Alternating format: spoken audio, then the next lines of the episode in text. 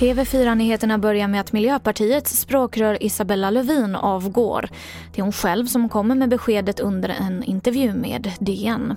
Och det här innebär att hon även kommer att avgå som miljöminister och vice statsminister så snart det finns en ersättare. Helena Gissén är politisk kommentator. Det var nog ingen som hade räknat med att eh, Isabella Lövin skulle hoppa av nu när det är två år kvar till nästa val. Eh, eh, men hon säger ju i den här intervjun att hon tycker att det här är en lämplig tidpunkt för att som språkrör i Miljöpartiet så sitter man maximalt tio år och det skulle hon uppnå efter nästa mandatperiod då. Vi går vidare till Blekinge där en kvinna och en man i 80-årsåldern anmäldes försvunna igår utanför Karlskrona. Och nu meddelar polisen att paret hittats döda i en bil i vattnet. Brott går inte att utesluta enligt polisen som spärrat av platsen för teknisk undersökning. Och till sist kan jag berätta att nu presenteras Sveriges trupp till fotbollsturneringen Nations League.